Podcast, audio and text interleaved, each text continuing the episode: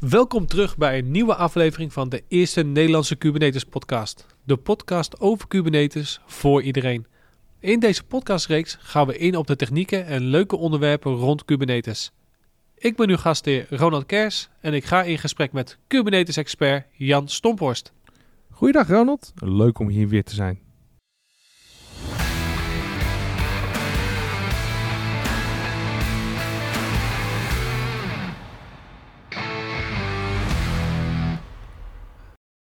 Zo Jan, en waar gaan we het vandaag over hebben? Ik wilde vandaag graag praten over hoe zit Kubernetes technisch in elkaar en wanneer maak je een microservice.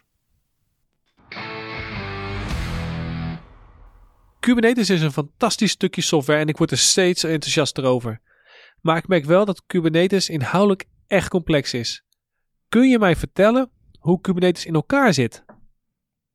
Natuurlijk, laten we door de basisonderdelen gaan en ze dan één voor één uittypen. Ronald, als je zaken niet begrijpt, wacht even met je vragen. Die kunnen dan hierna. Oké, ik eh, blijf rustig. Kubernetes heeft een aantal onderdelen. De belangrijkste zijn pods. Daar zitten containers in. Om die pods te bereiken van buitenaf heb je een service. Deze noem ik altijd poor man's load balancer. Want de pods zijn een microservice bij elkaar. Dit noemen we een deployment. Die kunnen we meerdere ma- malen naast elkaar starten. Zoals meerdere servers die zich registreren bij een service. De pod wordt ook automatisch herstart bij een probleem. Dit alles is actief op nodes die verwerken de workload, dus de pods en de services. Om dit alles te beheren heeft Kubernetes ook software die actief is. En dit noemen we masters. De masters zijn hetzelfde als de nodes, maar er staan masterpods op. Dit zijn de API-server, de scheduler, de control manager en de etcd-database. Oh, dit ging wel heel snel. Klopt, maar voor de beeldvorming en waar het staat is het handig om te weten. Ik zou proberen om dit simpel uit te leggen. Het begint met een container. En een container is een applicatie met al zijn onderdelen in de vorm van bibliotheken. In de Windows-termen zijn het DLL's en in Linux-termen zijn dit shared objects. En het idee is dat je de container op elke machine kan starten zonder dat die specifieke voor software voor ge wordt geïnstalleerd. Je hebt natuurlijk wel containersoftware nodig. Je zou een container als een uh, scheepscontainer kunnen vergelijken. Je kan hem overal neerzetten, op een schip of een vrachtwagen, maar daarvoor, voor, daardoor verandert de inhoud en de functie niet. Dus dit is hetzelfde als een softwarecontainer. Hij kan dus overal starten, maar de inhoud en de functies zijn hetzelfde. Dus de container is de applicatie, beter gezegd een onderdeel van de applicatie, oftewel een microservice van de gehele applicatie. Uh, maar een pods is een verzameling van containers die samen een microservice vormen. Deze verzameling van containers is er maar één de baas. En weet je, Ronald, dat een pot in het Engels een groep van walvissen zijn. En dat Docker, een containertechniek is dat, een logo heeft als een walvis. Nou, dat is uh, vast niet toevallig. Nee, daar is zeker over nagedacht. Dus een pot is een verzameling van containers waarbij één container het hoofdproces is. Je hebt daarna verschillende types van ondersteunende containers. Dit zijn sidecars en init en exit containers. Dus ik zal een voorbeeld geven. Ik verkoop schoenen. Mijn doelgroep wil niet op de blote voeten lopen en wil graag schoenen aan om door de plas te stampen. Voor de schoenenverkoop maak ik een website. Deze website is super mooi, maar soms gaat er iets mis. Dus dat willen we graag zien. Daarnaast krijgen we een bericht als er een nieuwe pot start of er een stopt. Dus je wil veel berichten? Nee, maar dat is even voor het voorbeeld. Het belangrijkste is, is die website. Dat is het hoofdproces.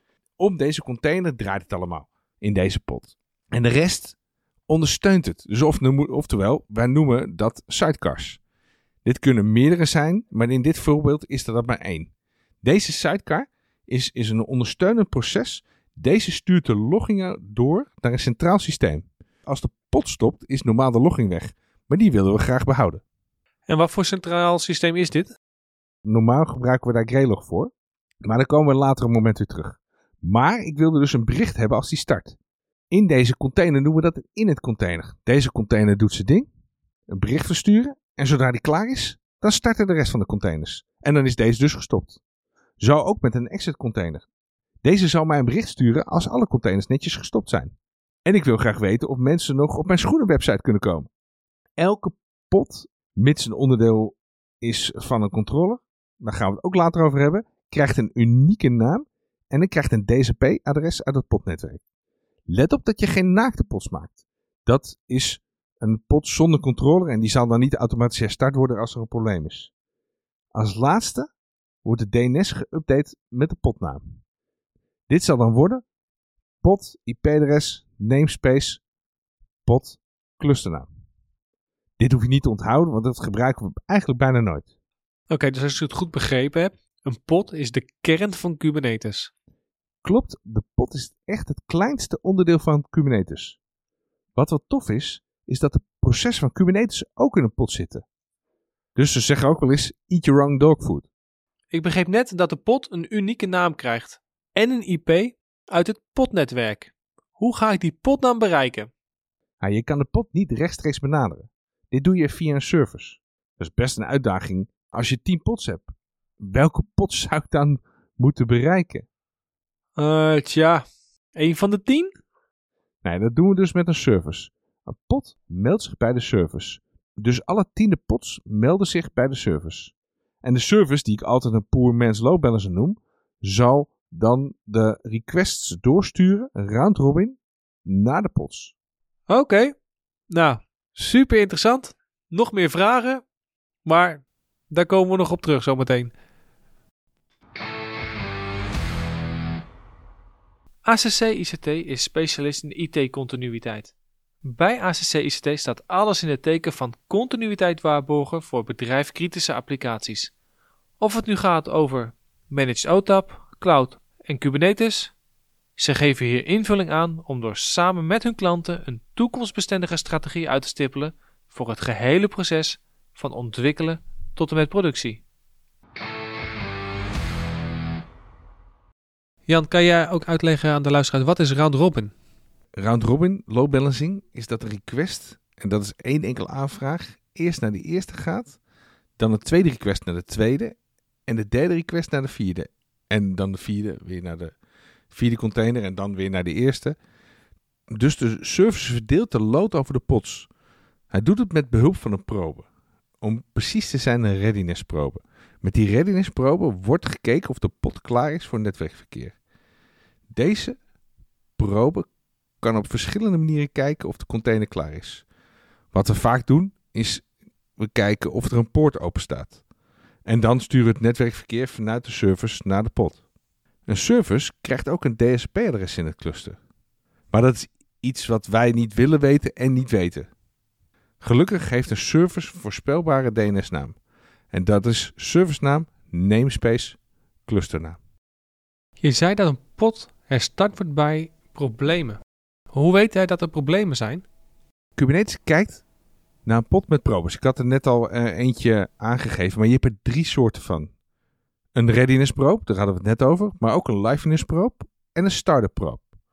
Een liveness probe is een probe die de pot in de gaten houdt. Als die, als die fout is, dan zal de pot herstarten. Deze kan ook de pot op verschillende manieren controleren, zoals alle probes. Dus dat betekent dat hij kan kijken naar een poort die open staat of hij kan een script draaien. Soms heb je een pot die er lang over doet om te starten. Dat wil je niet, maar soms gebeurt het. Dan wil je niet dat de liveness probe of de readiness probe meteen gaan controleren en de fout ingaan. Dan wil je dus even mee wachten. Anders krijg je bijvoorbeeld een geloopte pot. Een pot die herstart tijdens het starten, omdat de liveness probe afgaat. Deze starter probe zal dan zorgen dat de andere probes wachten tot de pot klaar, klaar is om die probes te ontvangen. Een pot draait op een node. En de node is de hardware van Kubernetes. En op een node staan twee stukjes software. Het ene is het kubelet, dat is Kubernetes software. En het andere is de container provider. Het laatste is in de laatste uh, versie is dat containerd. Deze is compatible met Docker en alle andere containertechnieken. En hoeveel van die nodes heb ik dan nodig? Nou, vaak maken we een cluster van drie nodes en twee masters. Op de meeste clouds, zoals Azure of de Google Cloud, worden de masters beheerd door de clouds. De masters in de Kubernetes clusters zijn ook normale nodes, maar hier zitten een paar speciale pots op. Cool, speciale containers. Kunnen er dan geen andere pods op?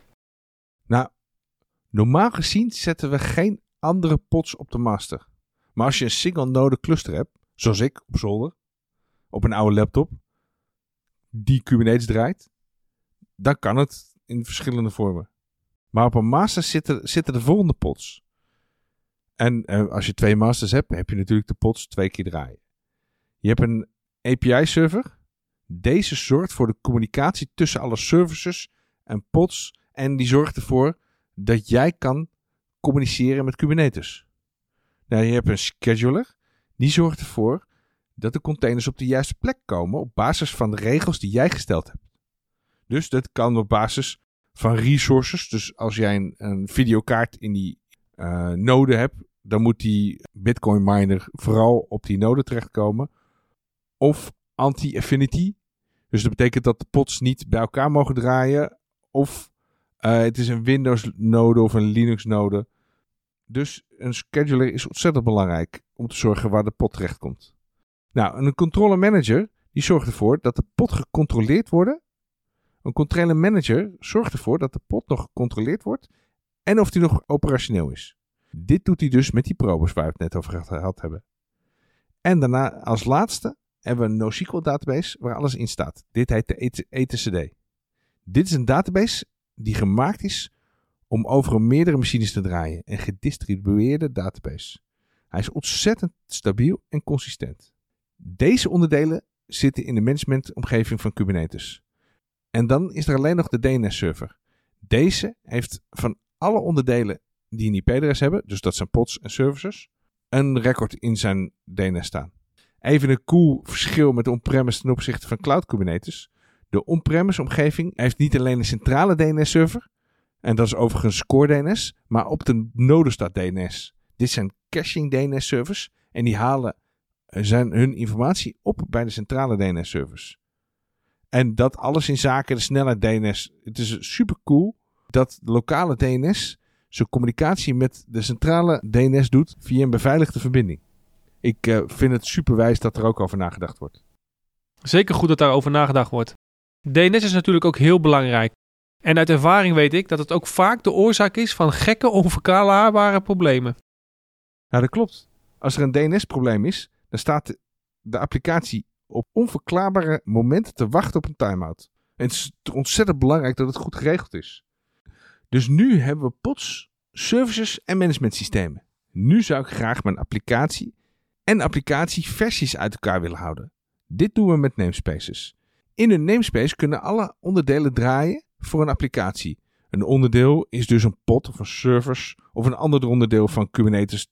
En je moet een unieke naam hebben voor die pod of die service in een namespace.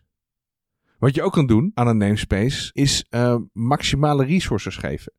Oftewel, dus het aantal processen en het uh, geheugen. Zodat de applicatie niet meer mag gebruiken dan in de namespace staat aangegeven. En je kan met Role-based access toegang aan een namespace geven. Over Role-based access maken we weer een andere podcast. Want dat is super interessant. En er valt ook nog heel veel over te vertellen. Dus je stopt je applicatie altijd in een namespace. Oké, nou dit was op zich wel een makkelijke uitleg van de technische onderdelen in Kubernetes. Dit, uh, dit begrijp ik wel. En zoals je zelf al zei, we gaan ongetwijfeld in de toekomst nog op de onderdelen in. Jazeker, er is nog veel meer te vertellen. Nu heb ik je al een paar keer horen praten over microservice. Maar hoe zit dat? En waarom zou je dit doen? Aan een microservice zijn altijd voor- en nadelen verbonden. Maar niet voor niets dat het, is het een trend dat de hele developmentwereld in meegaat. Dus wat is nou een microservice? Ik heb een paar regels bedacht voor het maken van een microservice. Als eerste, hij moet onafhankelijk zijn. Dus hij moet niet afhankelijk zijn van een ander onderdeel. Daarnaast moet hij één doel hebben. En vaak zeggen we, hij moet een functionele afscheiding. Oké, dat zijn mooie regels. Maar ik denk dat het beter is als je even een voorbeeld geeft. Een voorbeeldapplicatie. Top. Eerder verkocht ik schoenen, maar nu ga ik ook sokken verkopen. Stel, de applicatie is een sokkenwinkel. En wij verkopen sokken voor iedereen. Dunne, dikke, teenloze. En als je op de website komt, heeft deze productief verkocht kunnen worden. Dat zijn dus sokken. En die kan je bestellen en naar je toe laten sturen. Je kan lid worden van de website en nieuwsberichten ontvangen. Verder in de organisatie hebben we voorraadbeheer en er zal vast nog meer in zitten, maar ik denk dat het voorbeeld zo wel duidelijk is. Wij verkopen sokken. Als je een monolithische applicatie hebt, dan zullen al deze onderdelen in elkaar verweven zitten. Maar als microservices moeten we de regels in acht nemen. Nou, dan zit de kracht natuurlijk erin om het niet te complex te maken. Klopt, de truc is het zo makkelijk mogelijk te maken. Bij het ontwerpen start ik altijd heel complex en dan, dan schrijf ik gewoon alles op. En daarna ga ik een keer overheen en dan maak ik het simpel. Maar voor jullie begin ik nu simpel. Dus als eerste start je met een webservice. De webpagina, die willen we graag onafhankelijk. Want we willen zoveel mogelijk updates doen aan de voorkant, het aangezicht. We noemen dit ook wel het frontend. Dat is dan onze eerste microservice. Dan willen we dat er niks misgaat in de bestelprocedure. Het is handig om deze los te hebben van de, micro, uh, van de webservice.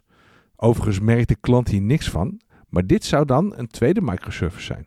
De nieuwsberichten en een, met een overzicht wat er besteld is en welke leuke dingen er zijn op de webshop, is nogal een zwaar proces en loopt altijd een bepaalde tijd, ja, vaak s'nachts. Dit zouden we dan ook apart moeten zetten als microservice. Dan de voorraadbeheer, die krijgt minder updates dan de website. Dus die willen we ook apart zetten, want we willen niet elke keer het voorraadbeheer updaten als we de, als de website updaten. En dan kan je nog ervoor kiezen om voor het externe verkeer, dus de input-output, het maken voor updates van de specificatie van de sokken, een microservice te maken. Dit alles heeft een connectie met de database dienst. En dat kan binnen of buiten Kubernetes. Dus als ik goed geteld heb, heeft deze applicatie nu vijf microservices en één database. Zeker. En de kracht zit hem hier, is dat je alles apart van nieuwe versies kan voorzien zonder dat de klant hier aan de voorkant last van heeft. Je kan de, applicatie, de onderdelen van de applicatie apart schalen, zodat er, als er meer mensen op de website komen, dat je er meer resources op kan zetten. En als alle mensen ook sokken gaan bestellen, dat je ook het sokkenbestelproces meer resources kan geven. Maar niet alle mensen zullen sokken gaan bestellen. Dus ik verwacht dat je dit minder gaat schalen. Want ik, uh, waarom weet ik niet? Ik heb altijd sokken nodig, dus ik bestel altijd wel sokken. Zitten er nog meer voordelen aan? Zeker. En de kracht zit hem hier dat je alles apart van nieuwe versies kan voorzien zonder dat de voorkant hier last van heeft. Dus je kan onderdelen apart schalen. Dus als er meer mensen op de website komen, zetten we daar meer resources op. En als al die mensen sokken bestellen, dan moeten daar ook meer resources bij. Maar dat zou minder snel schalen. Nou, als ik dat zo hoor, zou ik wel gek zijn als ik geen microservice zou gebruiken. Ja, um, je kan verschillende technieken gebruiken in, in de microservices. Vaak zie je de frontend een, een andere taal dan de backend. En dat is omdat het makkelijker programmeren is in die taal voor de frontend. Daarnaast kan je alles makkelijker overzien als het kleiner is. Want je kan dan aanpassingen goed overzien. En dan kun je dus meer aanpassingen doen als je de gevolgen kan overzien en dus sneller ontwikkelen. Als je alleen of met twee personen aan een softwareproduct werkt, is het misschien wat gedoe als je um, microservices maakt. Maar als je met meer mensen, dus drie of meer developers, gaat het al heel goed werken. Elke developer zou dan eigen, zijn eigen verantwoordelijkheid kunnen krijgen en dus een heel goed overzicht van zijn stukje. We zien veel van onze klanten voor deze opzet kiezen. Maar er zitten ook nadelen aan. Je applicatie wordt complexer. Dit komt omdat er meer bewegende delen zijn en hun vaak een allemaal een eigen taal gebruiken. Dus je moet meer afstemmen en dat gaat nog wel eens fout. Maar ik ben altijd voor meer afstemming en meer documentatie. Wat het ook lastig is, is dat het op meer plekken verkeerd zou kunnen gaan. Waar in welk proces is het nu misgegaan? Dus dat betekent dat je alles goed in kaart moet hebben. Wat ik dan ook wel weer een voordeel vind. En als laatste vinden developers soms lastig om, het, om, het over te om de overstap te maken naar een microservices architectuur. Dit is omdat ze standaard altijd gewend zijn om een monolith te bouwen. Maar daar zou je je niet door tegen moeten laten houden. Nee, het zet je wel aan het denken. Wanneer maak ik mijn applicatie een microservices architectuur en staan mijn developers erachter? Zoals alles staat het Of valt het met goede communicatie en hele slimme collega's? Bedankt voor je heldere uitleg eh, vandaag. En eh, onze luisteraars, bedankt voor het luisteren naar deze aflevering van de Nederlandse Kubernetes podcast. Ja, ik bedankt, Ronald. Tot volgende keer. Tot de volgende keer. Deze podcast is een initiatief van ACC ICT en wij zijn te beluisteren op onze website k8spodcast.nl via Spotify, Apple, Google Podcast en alle andere favoriete podcastproviders.